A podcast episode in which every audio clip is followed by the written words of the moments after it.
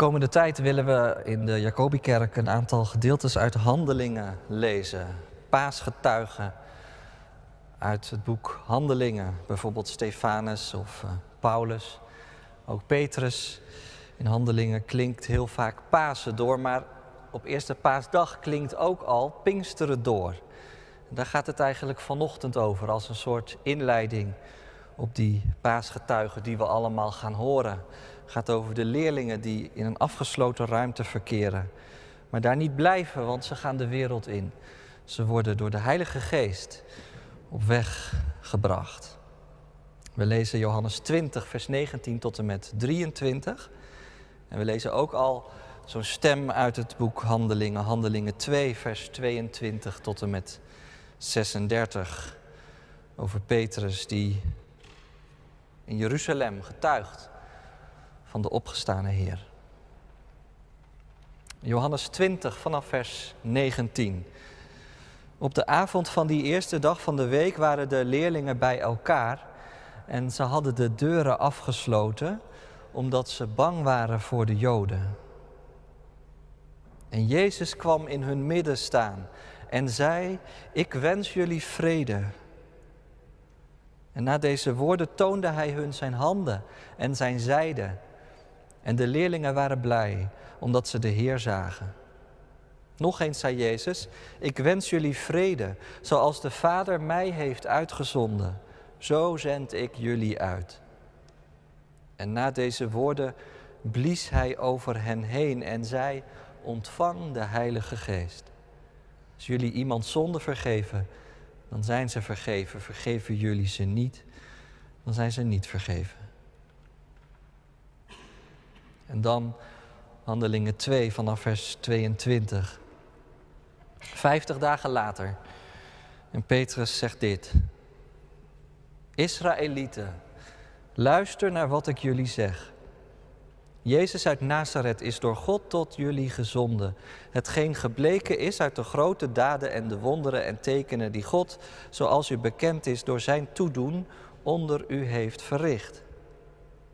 Deze Jezus, die overeenkomstig Gods bedoeling en voorkennis is uitgeleverd, hebt u door heidenen laten kruisigen en doden. God heeft hem echter tot leven gewekt en de last van de dood van hem afgenomen want de dood kon zijn macht niet over hem behouden. David zegt immers over hem, daar heb je Psalm 16, steeds houd ik de Heer voor ogen. Hij is aan mijn zijde, ik wankel niet. Daarom verheugt zich mijn hart en jubelt mijn tong van blijdschap. Ja, mijn lichaam zal behouden blijven, want u zult mij niet overleveren aan het dodenrijk. En het lichaam van uw trouwe dienaar zal niet tot ontbinding overgaan. U hebt mij de weg naar het leven getoond. Uw nabijheid zal mij vervullen met vreugde. Broeders en zusters, u zult mij wel toestaan dat ik over de aartsvader David zeg dat hij gestorven en begraven is. Zijn graf bevindt zich immers nog hier. Maar omdat hij een profeet was en wist dat God hem onder ede beloofd had dat een van zijn nakomelingen zijn troon zou bestijgen, heeft hij de opstanding van de Messias voorzien en gezegd dat deze niet aan het dodenrijk zou worden overgeleverd en dat zijn lichaam niet tot ontbinding zou overgaan. Jezus is door God tot leven gewekt. Daarvan getuigen wij allen. Hij is door God verheven, zit aan zijn rechterhand en heeft van de Vader de Heilige Geest, die ons beloofd is, ontvangen. Die geest heeft Hij op ons doen neerdalen. En dat is wat u ziet en hoort. David is weliswaar niet naar de hemel opgestegen, maar toch zegt hij: De Heer sprak tot mijn Heer: Neem plaats aan mijn rechterhand, tot ik je vijanden onder je voeten heb gelegd. Laat het hele volk van Israël er daarom zeker van zijn dat Jezus, die u gekruisigd hebt, door God tot Heer en Messias is aangesteld. Dit is het woord van God. Gelukkig zijn zij die naar het woord van God luisteren en ernaar leven. Amen. Gemeente van Christus, broeders en zusters hier in de kerk of thuis met ons verbonden. Ik voelde het elke keer weer gebeuren. Mijn hartslag begon te versnellen. Mijn vingertoppen begonnen te tintelen. Het zuigende gevoel in mijn maag, alsof ik in een lift stond die te snel daalde. Paniekaanvallen. Die maakten al een tijdje deel uit van mijn leven. Ik was 24 en sinds een paar maanden sliep ik nauwelijks. Mijn relatie was geëindigd. Ik moest binnenkort mijn huis uit. En ik had geen idee wat ik wilde met mijn leven. Ik verloor me in interne dialogen over de toekomst en hoe die eruit zou zien en hoe die me onherroepelijk zou breken. Het is een citaat uit een boek van Daan Heerma van Vos.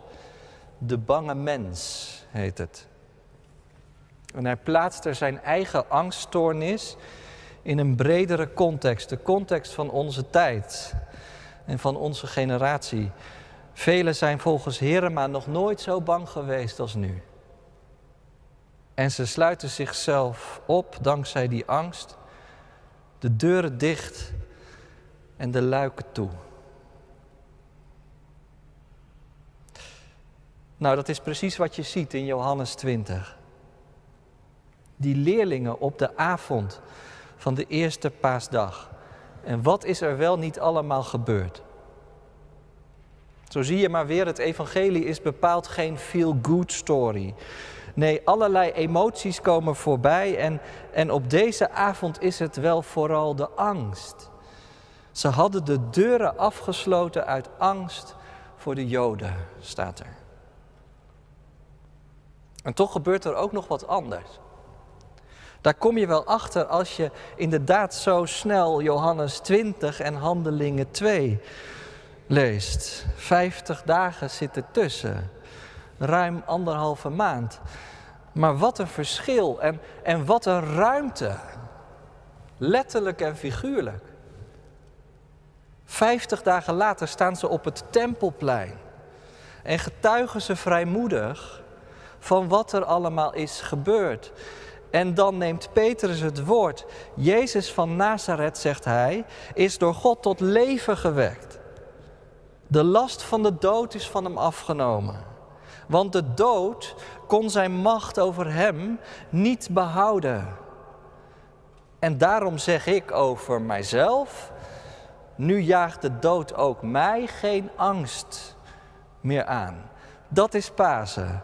Hij leeft en ik mag leven.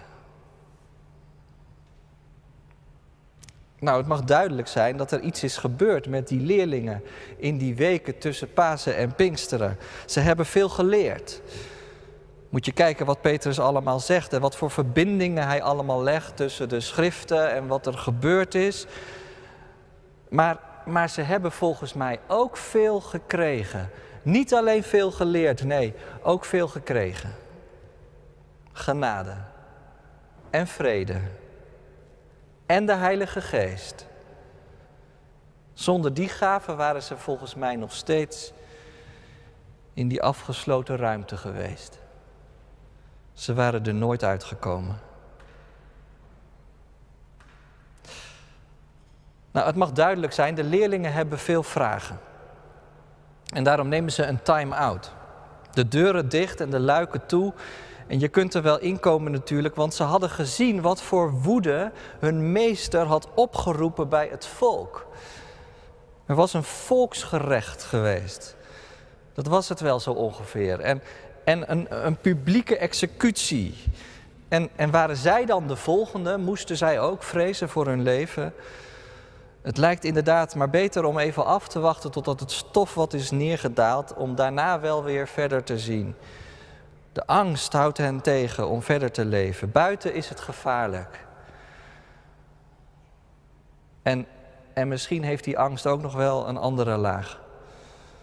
Want zou het kunnen dat er diep van binnen bij hen ook nog een andere vrees leeft, namelijk een soort knagend gevoel van onzekerheid over hoe het nou zit tussen hen en Jezus, tussen hen en God. Want probeer je eens in die leerlingen te verplaatsen. Ze hadden gehoord dat Jezus weer leeft. Dat had Maria gezegd en de Emmausgangers. Goed nieuws natuurlijk. En een enkeling van hen had zelf ook al een glimper van opgevangen. Maar stel je voor dat het echt waar was. Waren ze eraan toe om hem weer recht in de ogen aan te kijken? Alsof er niets gebeurd was. Want als je het verhaal van de kruisiging een beetje kent, dan weet je wel dat het juist deze leerlingen waren die het bijna allemaal hadden laten afweten. Dat komt er helemaal in mee in deze geschiedenis. Drie jaar lang had Jezus hen onderwezen en geleid en gezegend. Maar toen het erop aankwam, waren ze allemaal weggevlucht. Zo dapper waren ze niet. En, en nu zijn ze bevroren. Bang in de binnenruimte. Voor de Joden. En misschien ook wel voor Jezus, wie zal het zeggen? Voor de consequenties van hun eigen gedrag. Maar, maar tegen die achtergrond gebeurt er natuurlijk wel iets heel opmerkelijks. Want deze leerlingen mogen zichzelf hebben opgesloten. De opgestane Heer breekt er dwars doorheen. En Jezus kwam in hun midden staan. Dat is de boodschap van Pasen in een paar woorden. Jezus komt. En als Jezus komt, dan komt Hij blijkbaar ook midden in de angst. Dan is Hij niet gebonden aan welke barrière dan ook. Ook niet aan barrières die we zelf hebben opgebouwd om ons te beschermen tegen wat dan ook.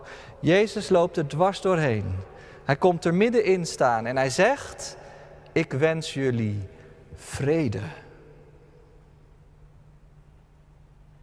Vrede. Shalom in de taal van toen. Op het eerste gehoor is dat helemaal niet zo'n wonderlijke tekst.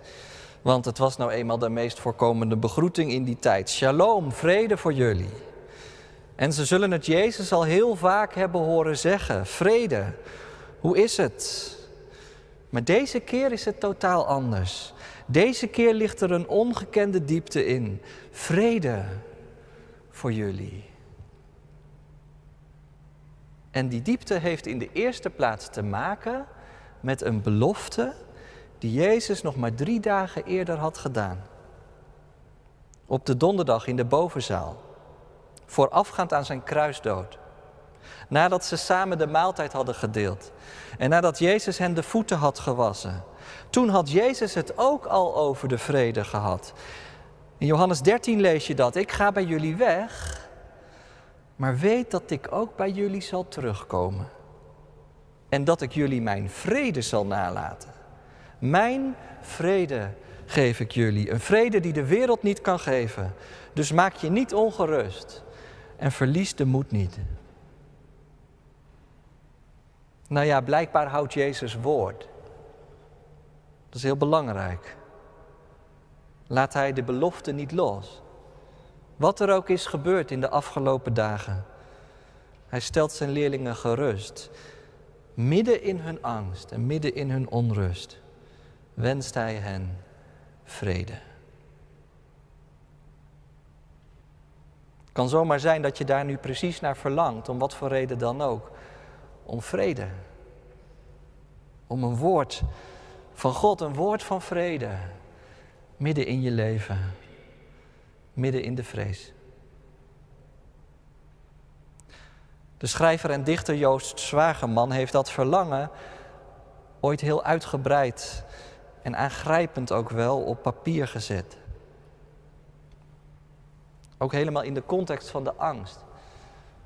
Het verlangen om niet bang te hoeven zijn. Voor te veel mensen in een lift of streekbus. Of gewoon een kamer. Voor de krans van melkwegen, sluiers, nevels, zwarte gaten. Voor je eigen brein, een stuk of wat insecten.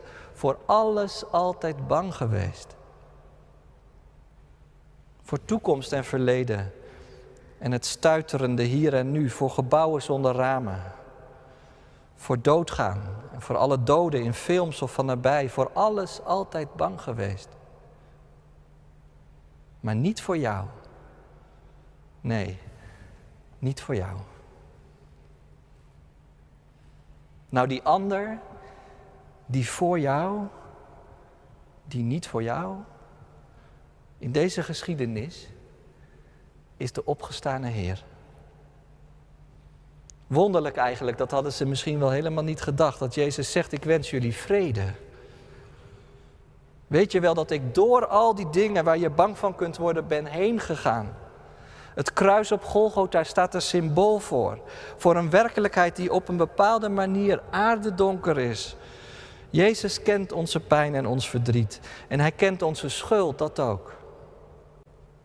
Maar als hij ons ziet, dan wenst hij ons vrede toe. Waarom?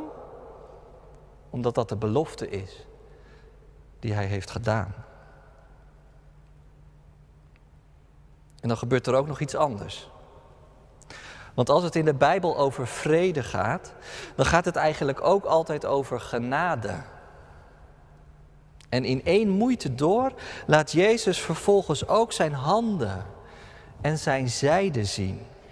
Ik heb eigenlijk geen idee wat die leerlingen dachten of voelden op dat moment. Eerst is daar Jezus die hen vrede toewenst. Dat is al heel wat. En dan zien ze ook nog die wonden van het kruis in zijn handen staan. De sporen van de spijkers. Dat is bijna te veel. En toch horen die wonden er helemaal bij. Alsof Jezus zeggen wil: Ik ben het echt. Ik ben opgestaan uit de dood. En die wonden die zeggen natuurlijk ook nog iets anders. Jezus laat hun zien hoe die vrede met God door hem gekocht is. Zie je deze wonden? Ze zijn het teken van mijn offer voor jullie. Jullie hoeven niet langer in angst te leven, want alles is volbracht en de toegang tot God is vrij. Er is ruimte bij God, vrede voor jou en voor mij. Ik denk eigenlijk dat vrede en genade niet los van elkaar verkrijgbaar zijn. Er is geen vrede zonder genade. Waarom kunnen we eigenlijk vrede met God hebben? Alleen maar omdat God een God van genade is. Genade gaat altijd aan de vrede vooraf. En daarom wordt het ons ook zo vaak toegezegd in de kerk, als we hier zijn. Genade en vrede voor jullie. Zoals het ook in het Nieuwe Testament steeds weer klinkt. In de brieven van Paulus bijvoorbeeld. Genade en vrede, altijd in die volgorde. Genade en vrede. Steeds komt de genade als eerste. Als Jezus zijn handen en zijn zijde aan de leerlingen laat zien, dan zegt hij eigenlijk er is genade voor jullie. Ik heb het zelf verdiend. Er is een nieuw begin gemaakt. De geest des Heren heeft, zongen we, een nieuw begin gemaakt. Ik moest denken aan een vluchteling die in 1999 vanuit Belgrado naar Nederland kwam. Misschien ken je hem wel, bijvoorbeeld uit vlogs van Arjan Lubach op YouTube. Zijn naam is Bojan Bajic. En via allerlei AZC's is hij uiteindelijk op het eiland Vlieland terechtgekomen. Daar runt hij een ijssalon en een bioscoop en hij brouwt er bier. Maar hij heeft een heel boeiend motto, leerzaam ook. Wees niets, dan kun je alles zijn. Zoveel mensen laten zich voorstaan op status, opleiding of inkomen. Hun hele identiteit hangt ervan af. Maar waar is de genade dan eigenlijk? Wat is genade eigenlijk? Nou, dat is datgene wat alles fundeert. Waar je ook doorheen zakt. De genade blijft. Die leerlingen van Jezus die lijken alles kwijt te zijn, al hun idealen in duigen gevallen. Hun meester was weg. Er was niemand meer die in zijn boodschap leek te geloven en geloofden ze het zelf eigenlijk nog wel. Wat hadden ze nog meer te verliezen? Maar dan is er ineens die boodschap van vrede. En dan zijn er ineens die tekenen van de genade. En die openen een heel andere deur. Een grond die hen weer dragen gaat inderdaad een nieuw begin. En ze worden op weg gezet. Dat ook. Want hoe ziet dat nieuwe begin er dan uit? Nou, dat is dus letterlijk een deur die open gaat. Ze worden bevrijd uit de angstige bezorgdheid van deze besloten ruimte. En ze worden door Jezus op weg gestuurd. Ze krijgen een opdracht. Ga daar maar mee aan de slag. Zoals de Vader mij heeft uitgezonden, zegt Jezus, zo zend ik ook jullie uit. Wat jullie zojuist van mij hebben ontvangen, genade en vrede, dat mogen jullie nu gaan uitdelen aan de mensen om je heen. Durven ze dat zomaar? Het was buiten toch zo gevaarlijk? Nou ja, Jezus stuurt ze niet zomaar op weg. Want dat naar buiten gaan, dat wordt voorafgegaan door iets heel bijzonders, iets cruciaals. Ze hoeven namelijk niet alleen. Jezus zelf gaat met hen mee, door zijn geest. En kijk, zo wordt het op deze eerste paasdag al even pinksteren. Kijk maar wat er staat. En na deze woorden blies hij over hen heen en zij ontvang de Heilige Geest. Nou zijn de uitleggers het er niet helemaal over eens wat hier nou precies gebeurt. Blaast Jezus nou werkelijk over die leerlingen heen of haalt hij gewoon diep adem? Eén ding is in elk geval klip en klaar. Die genade en die vrede, die hebben alles te maken met de Heilige Geest. Met de adem van Jezus. Jezus bevrijdt zijn leerlingen uit die afgesloten ruimte door hen de geest te geven, in te blazen. Wanneer Jezus midden in onze angst komt, dan brengt Hij blijkbaar genade en vrede, maar dan geeft Hij ook de geest. Het is bepaald geen toeval dat dat woord blazen of beter gezegd het woord adem en het woord geest in dit vers naast elkaar in één zin staan.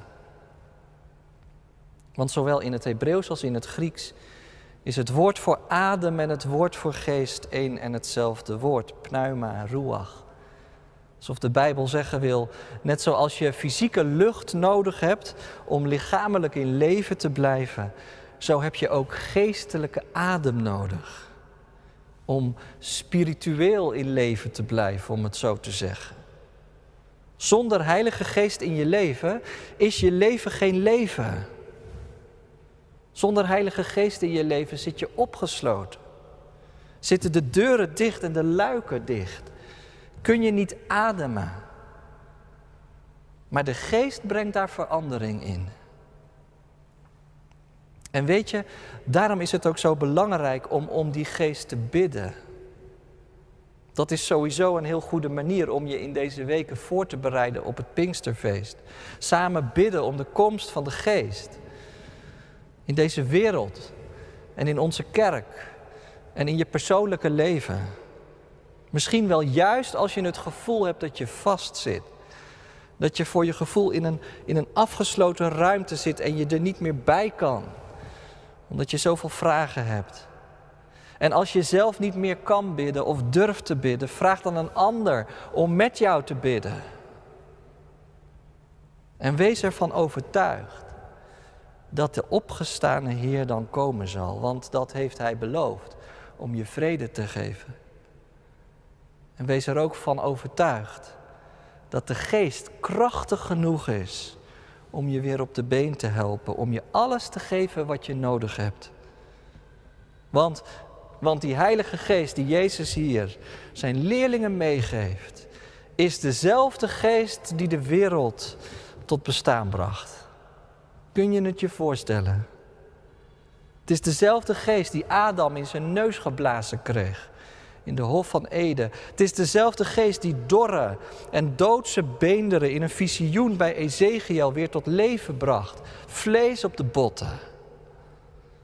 En het is bovendien dezelfde adem die op de vroege paasmorgen het lichaam van Jezus deed opstaan uit de dood.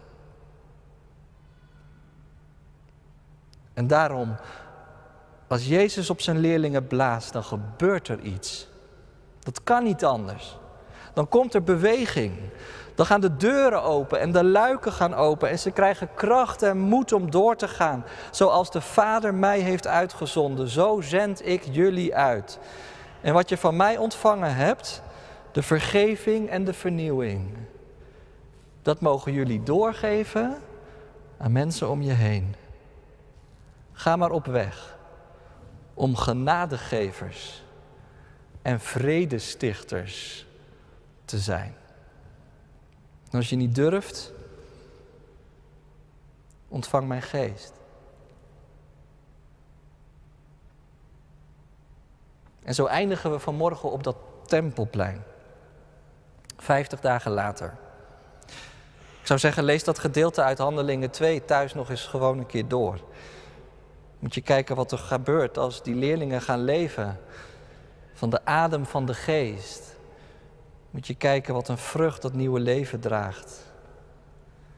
Wat is er gebeurd? Nou, Petrus wijt er heel veel woorden aan, maar hij kan er eigenlijk ook heel kort over zijn. De dood kon zijn macht over Jezus niet behouden. En dat was eigenlijk al eeuwen van tevoren voorzegd. Inderdaad, God komt niet terug op zijn belofte. Koning David had het al voorzien. Petrus citeert Psalm 16 en die psalm gaat over een nieuw begin. Die psalm kijkt over het graf heen, over de angst heen. Oude woorden over het opstaan uit de dood en uit de angst. En om die woorden te horen zijn we steeds opnieuw in de kerk. Om vanuit deze ruimte op weg te gaan de wereld in, een nieuwe week in. Hier horen we woorden van troost en woorden van bemoediging en woorden van aansporing. En in de berijming van psalmen voor nu klinken die woorden van Psalm 16 als volgt. U zult mij niet zomaar laten sterven. Ik hoef niet naar het graf, want u laat mij nooit los. U wilt mij leren waar ik u zal zoeken. Heel dicht bij u, mijn God. Heel dicht bij u, waar u de adem van uw geest in mij blazen kan. Heel dicht bij u, mijn God. Zal ik gelukkig zijn. Amen.